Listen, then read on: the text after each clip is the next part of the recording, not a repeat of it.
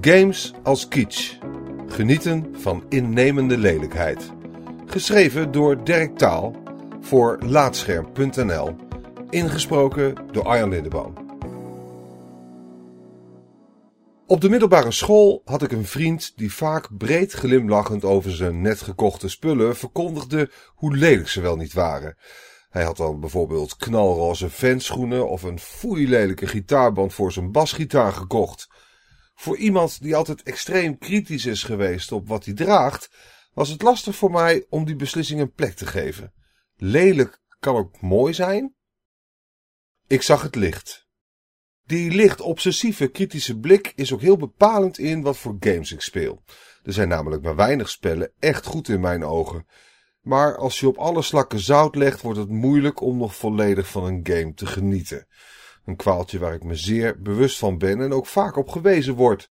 Het stemmetje in mijn achterhoofd kan het niet laten om bij elk gesprek over The Last of Us te melden dat die game toch aardig wat gebreken heeft. Mijn vriendengroep kan het op hun beurt vervolgens weer niet laten om mij vriendelijk te verzoeken mijn mond te houden.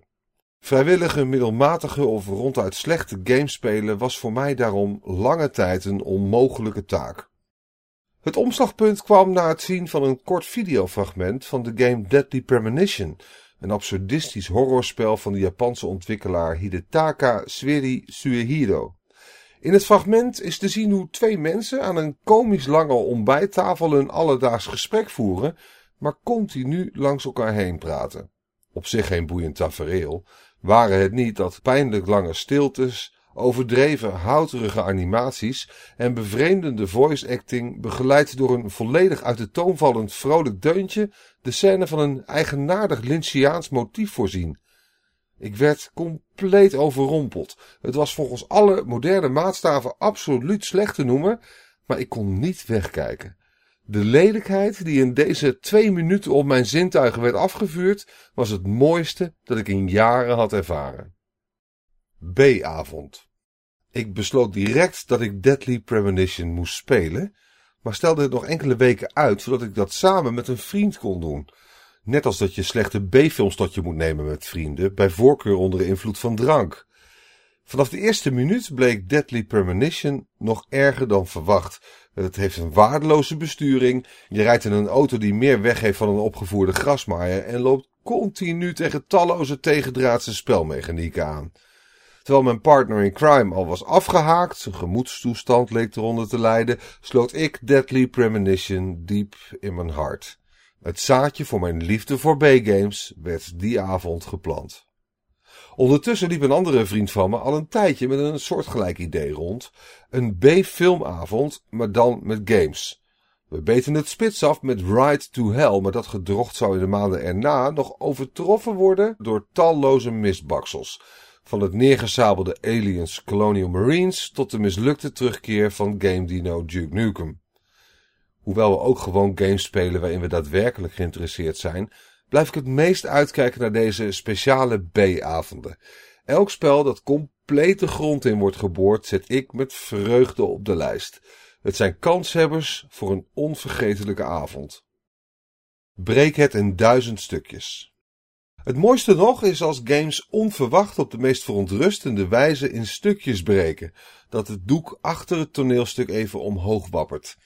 Het heeft op mij een onwerkelijke aantrekkingskracht als tijdens een dramatische scène opeens de oogballen van de hoofdpersoon uit zijn of haar kassen komen of het decor zich in Lovecraftiaanse bochten wringt.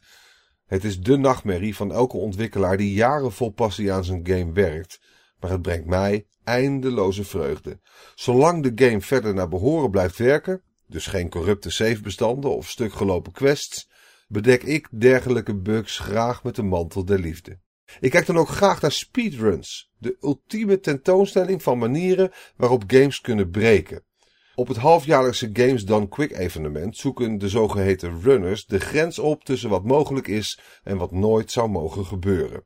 Tijdens het Awful Games Done Quick blok komen alle fascinerende facetten van lelijkheid pas echt samen. Dan worden een aantal beledigend slechte games, waar je gelukkig nog nooit van hebt gehoord, in recordtempo uitgespeeld. Mijn brein draait overuren om niet alleen de kunsten van de speedrunners te verwerken, maar ook de virtuele brei op het scherm een plek te geven. Het is alsof Awful Games Done Quick speciaal voor mij wordt georganiseerd. Het lijkt misschien alsof mijn fascinatie voor slechte games niets meer is dan leedvermaak ten koste van het harde werk van ontwikkelaars, maar dat is het niet. Ik ben games juist meer op waarde gaan schatten. Ook games die minder goed in de markt liggen hebben hun eigen kwaliteiten. Ik ben bovendien meer van spellen gaan genieten en waag mezelf tegenwoordig aan titels die ik voorheen links liet liggen. Stelde ik mijzelf niet open voor nieuwe indrukken, dan had ik nooit Deadly Premonition gespeeld, een ervaring die tot de dag van vandaag vrijwel onovertroffen is. Ik raad je dan ook aan om eens een in jouw optiek slechte game te spelen. Wellicht verras je jezelf en ontdek je een nieuwe interesse.